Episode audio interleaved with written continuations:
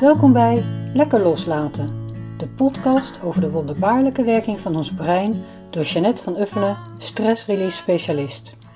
In deze podcast hebben we het over makkelijkere manieren voor het oplossen van psychische en lichamelijke problemen.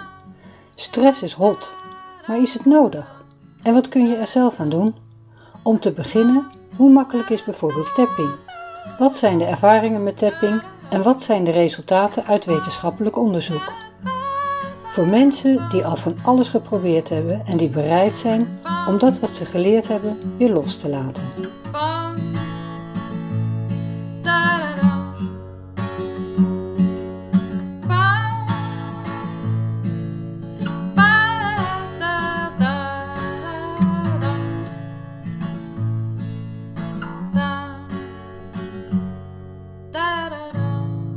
Vandaag is het 15 mei, de geboortedag van Paul de Blot. En tien dagen geleden, op 5 mei, heb ik deel 1 gedaan van mijn herinneringen aan Paul de Blot. En de reden daarvoor was dat ik de laatste tijd gewoon heel vaak aan hem denk. Dus ik vond het mooi op 5 mei, de bevrijdingsdag, over hem te vertellen. En op 15 mei zijn geboortedag. En hij zou vandaag 97 geworden zijn, als hij er nog was. Maar op 15 december 2019 is hij overleden. Op 95-jarige leeftijd, dus dat is heel wat. Vandaag ga ik wat voorlezen, eh, een blog dat hij geschreven heeft, en ik ga hem laten horen. En wat ik ga laten horen zijn opnames van YouTube die al online staan. En ik zal in de beschrijving uh, vertellen waar ik die vandaan gehaald heb. En ik denk vanwege dit doel lijkt me dat helemaal geen probleem. Het is al gepubliceerd. Uh, ik zou je ook zeer aanraden om de video's op YouTube te bekijken, want dan kun je ook Paul zien hoe hij vertelt. Uh, dan kun je zien de passie waarmee hij spreekt. Dat kun je ook horen, maar ik weet niet, soms is het misschien lastig te verstaan. En als je daarnaar kijkt, is dat natuurlijk makkelijker. En dan kun je ook zien hoe, ja, zijn uitdrukking, zijn postuur is gewoon mooi om naar te kijken. Het eerste wat ik uh, ga voorlezen is een blog dat hij schreef op 15 mei 2019. En dat is dus vandaag twee jaar geleden. En dat schreef hij dus op zijn verjaardag. De titel is Ons leven is onvoorspelbaar. Het is de realiteit van ons bestaan dat we nooit volledige greep hebben op ons leven. Vandaag ben ik jarig. Met dit artikel wil ik samen met jullie mijn 95ste verjaardag vieren. In al die jaren dat ik nu al leef, heb ik één duidelijke zekerheid ervaren. Je hebt je leven nooit helemaal in de hand. Heel wat perioden van ziekte, gebrek en onmacht heb ik overleefd. Maar als ik erop terugkijk, ben ik er ook rijker door geworden. Vaak blijkt de meest onmenselijke situatie in ons leven achteraf een rijke en leerzame levenservaring. Ondanks ondraaglijke pijn of onvergetelijk verdriet dat een leven lang kan terugkeren in onuitwisbare herinneringen. Vergeet nooit dat het leven door het wisselende contrast tussen licht en donker ook steeds weer nieuwe schoonheid schept. Het verloop tussen donker en licht laat altijd ruimte voor nieuw leven. Dat is voor mij een belangrijke levenservaring geworden die ik vandaag met mijn lezers wil delen. Zonder houvast van oprechte vrienden blijkt het onmogelijk om je met de dood voor ogen staande te houden. Maar zelfs in een dergelijke uitzichtloosheid zoals ik zelf heb ervaren in mijn leven, kun je je gedragen voelen door een oersterke innerlijke kracht. Haast als vanzelf komt de bewustwording van een innerlijke beleving waar je op dat moment geen naam voor hebt, maar die je als een onbekende God kunt ervaren. Het voelt als een bron die ons aanmoedigt om er nieuwe kracht en moed uit te putten om de schoonheid van het leven niet uit het oog te verliezen. De binnenkant van ons geloof, dat is ieders persoonlijke ervaring van een onbekende God. Wie dit beleeft, voelt zich er nooit helemaal alleen voor staan. De beste leerschool van ons leven is daarom onze eigen levenservaring. Van al het mooie, maar ook van al ons vallen en opstaan. Van het licht en het donker en het verloop van het contrast daartussen in ons leven. Wie open blijft staan voor de nieuwe schoonheid die ons leven kan scheppen uit het contrast tussen licht en donker, leeft een leven dat steeds tot nieuw leven kan komen. Vandaag vier ik mijn 95ste verjaardag. Meer dan tien jaar hebben jullie mij door de vele goede reacties geholpen mijn webartikelen te verbeteren. Door de vele persoonlijke aanvullingen is een rijke bron van inspiratie ontstaan voor nieuwe levenservaringen. Dankzij jullie inbreng heeft ons weblog veel lezers geholpen aan een nieuw perspectief om bestaande tegenstellingen in persoonlijke of zakelijke kring uiteindelijk toch gezamenlijk te kunnen overbruggen. Graag bedank ik alle lezers, donateurs, sponsors en mijn team heel hartelijk voor alle geboden hulp bij de ontwikkeling van ons weblog over business spiritualiteit tot zover. Een fragment wat ik wil laten horen is opgenomen op 2 september 2010. Toen organiseerde stedendriehoek.net het Inspiriment 2010 met als thema duurzaam verbinden en maatschappelijk verantwoord netwerken. Nou, Paul de sprak over loslaten om te overleven. Nou, dat is een videoproductie van Edo van Zanten van Talk and Do TV. En dat is dus opgenomen op Inspirament 2010. Dus het is zeker de moeite waard om dat op te zoeken op YouTube, want dan kun je het ook zien.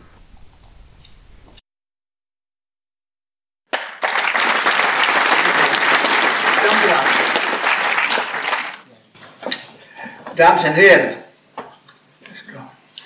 Ja, bedankt voor de eer. Bedankt voor de gelegenheid. Eén ding wil ik nog bekennen. Dat ik eigenlijk nooit leiderschap gekend heb. Een tweede is dat alles wat ik gepland heb, volgens de leiders, mislukt is. Wat geslaagd is, wat succesvol is geweest, is puur toeval geweest. Door toeval kwam ik op Nijrode. Door toeval werd ik hoogleraar. En door toeval zit ik nog hier bij jullie. Dus alles door toeval. Valt mij toe. Leiderschap. Ik, heb, uh, ik hou ook veel van natuur. Ik hou ook veel van apen. Als je natuur kijkt, wat is leiderschap in de natuur? Hoe staat een bos op grond van twee principes. Namelijk, de wortels zoeken altijd water en de bladeren zoeken altijd licht. Dat is heel leiderschap. Heel primitief. En zo staat een bos in de worsteling in het gevecht. Om, zoals ze bij de aardwerking, om een goed wat niet gemakkelijk ver, verkrijgbaar is. Hebben jullie ooit een zwerm vogels gezien? Vogels. Wie, is de leider? Er maar drie principes. Hou afstand met voor en achter. Hou afstand met links en rechts. Hou afstand met onder en boven. En ga gewoon vliegen. Is er geen leider, dan ben je vrij. Vlieg. Wat is het principe van de mens? Zijn droom. Waar een mens van droomt, dat is zijn leiderschap. En als je van iets droomt, dan vind je altijd wel wegen om die droom uit te voeren. Ik heb gedroomd als kind om te vliegen. Ik zag prachtige vogels vliegen, ik wil ook vliegen. Ik wilde vlieger worden in de oorlog. Mijn moeder zei toen toch niet, je stort je neer. Ik hou nog te veel van jou. Ik kreeg ook van mijn moeder, dus ik ging niet vliegen. Ik ben al 86. En ik geprobeerd ook te leren vliegen. Lukt natuurlijk nooit. Op je oude dag. Maar in mijn droom vlieg ik wel. In mijn droom overschrijd ik alle grenzen. In mijn droom kan ik overal heen tot aan de maan. Toen Werner van Braun uit Duitsland na de oorlog werd weggehaald door Amerika, was hij bezig om een raket te bouwen om Londen kapot te schieten. In Amerika zeiden ze, maak een raket om eventueel Moskou te bereiken. Ach, zei hij, we gaan gewoon een raket voor een maan maken. En hij slaagt erin. Ze kwamen op de maan. Waar een droom is, daar is het leiderschap. Waar een droom is, dan ontstaan grootste dingen. En dan is alles toeval. Als wat toevalt, en je herkent je droom erin, dan slaag je. Dan kom je tot het netwerk. Een droom is een netwerk. Je ziet mensen, op een zeggen, er flikkert iets. Dat is mijn droom. Die heeft voor mij een verrassing. Er zijn in het leven, behalve die droom, nog twee principes. Ieder levend wezen wordt geboren en gaat dood. Maar daarna wordt hij opnieuw geboren. Kan nieuw leven. Na een herfst komt altijd een winter en een lente. Ook de mens is aan deze fasesprong gebonden. Geboren worden, doodgaan en opnieuw geboren worden. Vernieuwd. Ook als je doodgaat. Iemand zei me ooit, ja maar ik geloof niet aan het hiernamaals. Als ik dood ben, ben ik dood.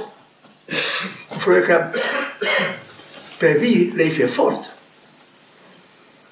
Je voortleven in je geliefden, je nageslacht, is dat niet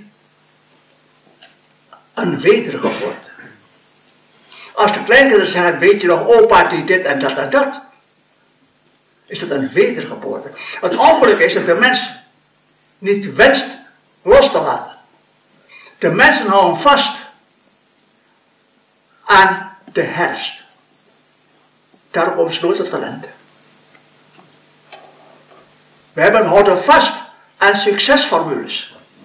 We houden vast aan politieke principes. We houden vast aan wat ooit succesvol is geweest. Maar de omgeving verandert. De generaties veranderen. En het wordt een. Loslaten is de grootste geheim van je droom. Een droom moet alles loslaten om opnieuw kunnen dromen, om te kunnen vliegen. Het loslaten is heel existentieel. Ik heb, dames en heren, in de oorlog hele bataljons zien vernietigen door de. Ik was zelf bij de commando's. Ik heb een concentratiekamp vrienden zien doodmartelen. Ik ben zelf vijf jaar concentratiekamp geweest. De mensen die niet wensen los te laten, de mensen die vasthielden aan het leven, gingen dood. De mensen die wilden loslaten, ach, laat maar gaan. Die vormden een netwerk. Die vormden vrienden van de relaties en die overleefden. Het loslaten is een nieuw leven. Op het moment dat je in de dodencel komt, op het moment dat je in de diepte gestort wordt van de dood, dat je alles verliest, geen houvast meer hebt en het opgeeft, heb je een keuze. Ja of nee? Loslaten of vasthouden? Als je vasthoudt, ga je dood. Als je loslaat, blijf je leven. En zo heb ik het overleefd. Loslaten. Wat betekent loslaten? Openheid. Gastvrij zijn. Vriendschap. Niet alleen met de mensen, maar met de natuur. Met de omgeving. Dat zijn dus met de apen met de natuur. Open, vriendschap, relaties. Er waren maar weinig over van mijn kamp. Heel weinig. En toen ik Ik bleef in Indonesië. Mijn vrienden trokken naar Nederland. Toen ik in Nederland kwam om te studeren, zocht ik mijn vrienden op, die waren allemaal overleden. En mijn hart leven ze. Je vrienden verlies je nooit als je durft los te laten. Wie je vrienden loslaat, omdat ze weggaan, of ze doodgaan, zal merken, ze komen rijker terug in je eigen hart. Een innerlijke vriendschap. En dat is wat ik noem het spirituele netwerk. Er werd zo een heel mooi gesproken over netwerken. Maar de netwerken op het, zeg maar, verstandelijke niveau, op het sociale niveau, zijn broos. Kunnen breken, kunnen kapot gaan. Maar op het dieper niveau van een vriendschap, daar liggen netwerken die onverbrekelijk zijn. En blijven. Blijf je altijd in je hart mee. Als je nog met iemand samenwerkt, kun je ergeren. Als je met iemand samenleeft, kun je ergeren. Is de persoon dood, dan blijft hij leven in al zijn schoonheid. In al zijn aantrekkelijkheid. In al zijn zuiverheid. Als mens, als vriend. De kracht van het netwerken is vooral de vriendschap. Dat gezegd niet om iets te krijgen, maar het heet om niet om te krijgen, maar om te geven. Is give en take. Liefde is altijd wederkerig. En een spiritueel netwerk is juist die wederkerigheid op het sensniveau. Wederkerigheid. Spiritualiteit wordt vaak beoefend alsof het individueel is. Uit het eigen hart. Maar spiritualiteit is vooral het netwerk van spiritualiteit. Het collectieve netwerk van organisaties. Het collectieve netwerk zoals het hier ontstaat in deze zaal door deze lezingen die ons boeien. Zelfs die apen kunnen ons boeien. Ik heb altijd apen gehouden in Indonesië. Altijd goede vriendjes. En altijd heb ik van hen geleerd. Niet alleen apen, vogels en andere. En daarom zou ik dit willen voorstellen. Laten we het netwerk verdiepen. Dat spiritueel netwerk. Dat was ook de bedoeling van mijn leerstoel in Nijrode. Toen ik daar als hoogleraar toen ging het over business spiritualiteit. En we zeggen netwerken op het diepste zijnsniveau in de organisatie. Dank u.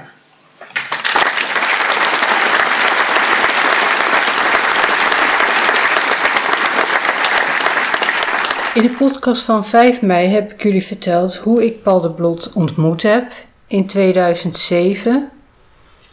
Dat is 15 jaar geleden. En hoe ik een aantal jaren uh, regelmatig met hem gesproken heb.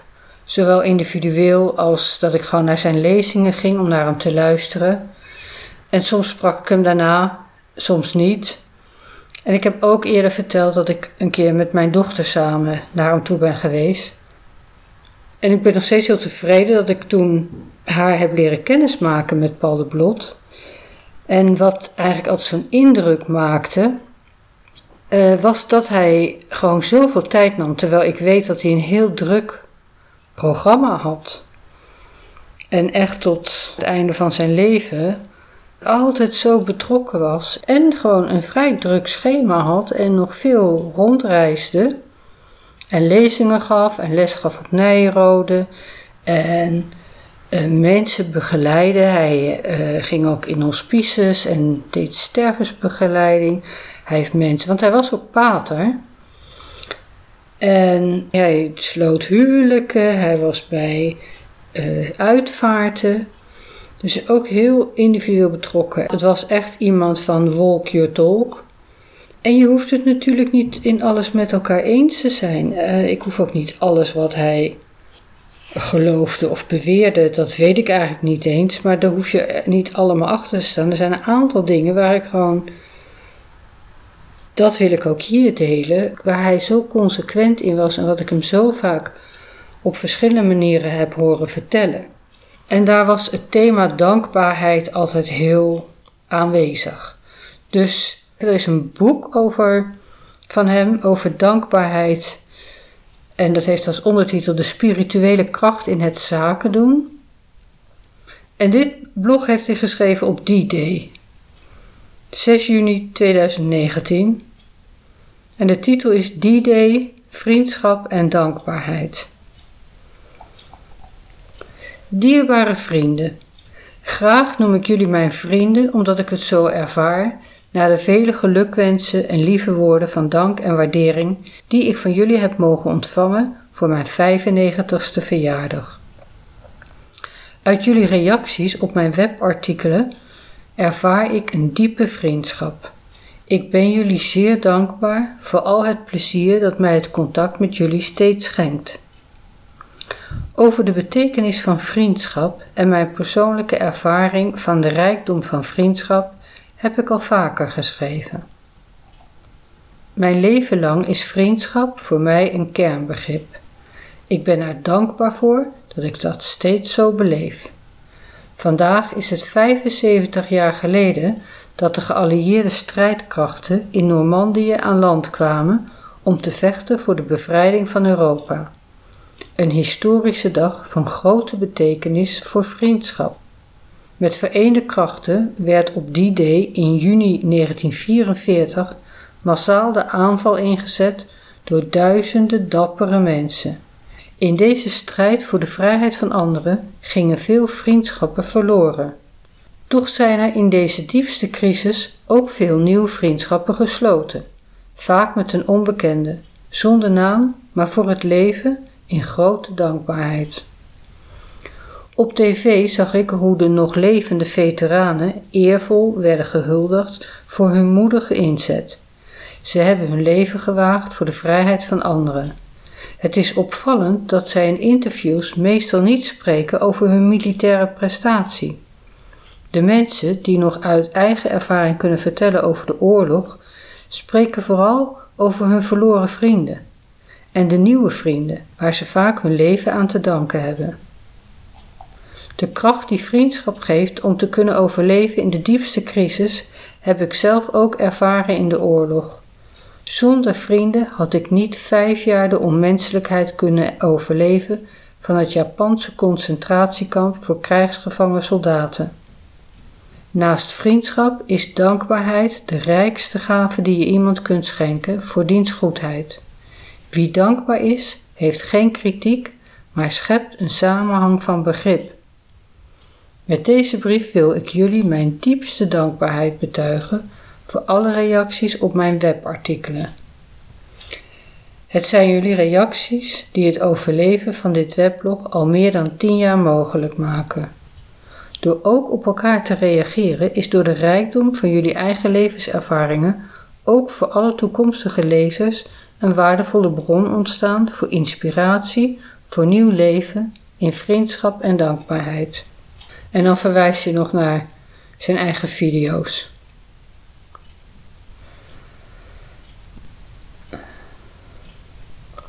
En zoals ik ook eerder vertelde, ik ben uh, dus ook een aantal jaren betrokken geweest in zijn werkcolleges. Eerder kon ik geloof ik niet op de term komen, noemde ik het een leergang. Maar dat waren werkcolleges die hij iedere maand op Nijrode hield. En daarvan is ook wat te vinden op YouTube. Het is de moeite waard om daar eens naar te kijken.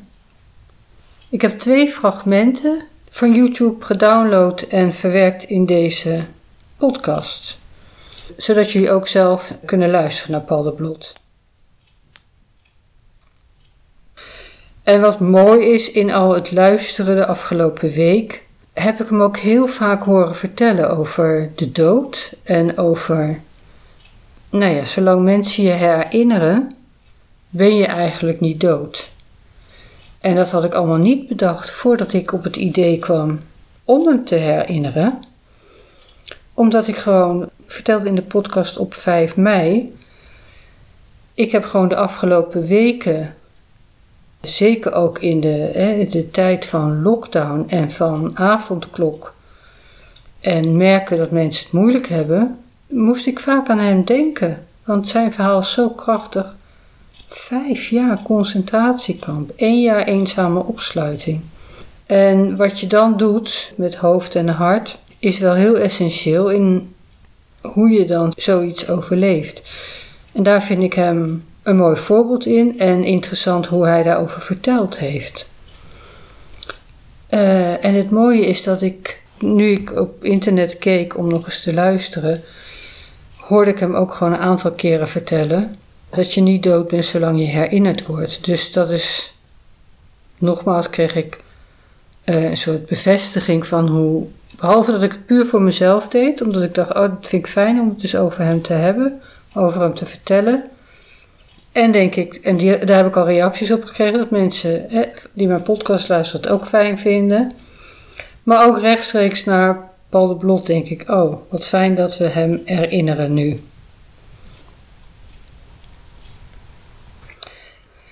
En een klein fragment waar ik mee wil afsluiten staat op de site van reisorganisatie Active. En dat duurt 2,5 minuut, waarin Paul vertelde over zijn dagelijkse routine van schrijven in zijn dagboek. En dat heb ik hem ook vaker horen vertellen. Dus ja, als je je afvraagt hoe kun je, ongeacht de omstandigheden, je richten op het goede in het leven, dat is heel eenvoudig eigenlijk door dat dagelijks op te schrijven. Alleen maar de goede herinneringen en dat waar je dankbaar voor bent. Iedere dag. En dat heb ik hem ook vaker horen delen met mensen. Dat zei hij toen ook toen ik er met mijn dochter bij hem was, die toen 14 was. En uh, dit vind ik wel een mooie, wat hij hier vertelt, is wel een mooie afsluiting. En als we hem zo herinneren, als je dit van hem herinnert, nou, dat gun ik iedereen. Dus ik wens je veel luisterplezier. Als je dankbaar bent, ben je altijd tevreden. En dat is voor mij de kernwaarde.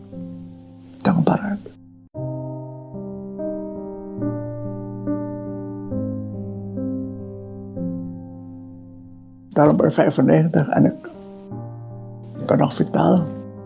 Ik ben nog goedgekeurd voor mijn rijbewijs voor vijf jaar. Ik heb vijf oorlog, jaren concentratiekamp meegemaakt. Ik heb drie oorlogen meegemaakt. Ik heb geen familie meer die dicht bij mij is. Ik weet niet eens waar mijn ouders begraven liggen. Maar ik ben gelukkig mens. Ik heb het geleerd tot de dieptepunten van mijn leven. Dat ik geraad wist. Een ander punt is, ik schrijf elke dag op in een dagboek alleen de mooie herinneringen van de dag.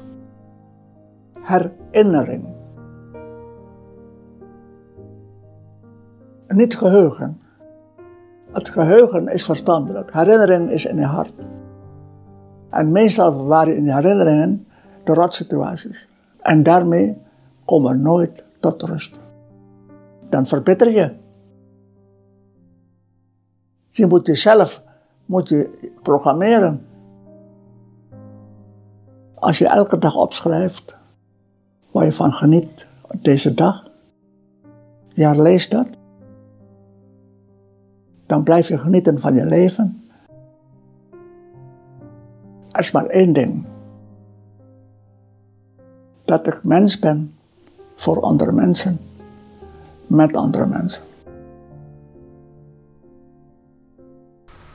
Paul de Blot is dus 95 jaar geworden. Het was echt een oude man, had een pittig leven achter de rug. En hij was ook, nou, tot op het laatst zeer actief, maar ook wel moe. En dan zeggen we, hè, na iemand na zo'n leven, als iemand overleden is, dan zeggen we rust zacht.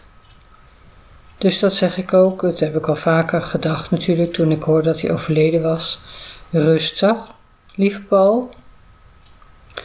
En tegelijk denk ik, nou, hij, hij, hij was overtuigd van reïncarnatie. Het zou me niks verbazen als hij alweer terug was.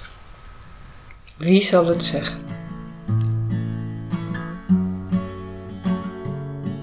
Superleuk dat je geluisterd hebt. Wil je meer horen? Abonneer je dan op deze podcast. Dat kun je doen via de app waarin je nu geluisterd hebt. En word jij nou een beetje blij van wat je gehoord hebt? Deel dan die blijdschap en geef ons een review. Zo krijgen ook anderen een indruk van wat hier te horen valt. Uiteraard kun je dit ook delen via e-mail of via social media.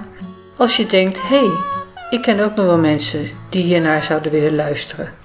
En als jij nou meer wil weten over tapping, wat dat nou is en hoe dat werkt, dan kan ik je dat in 10 minuten leren. Een link naar die informatie staat op lekkerloslaten.nl. Nogmaals, dank voor het luisteren en tot de volgende podcast.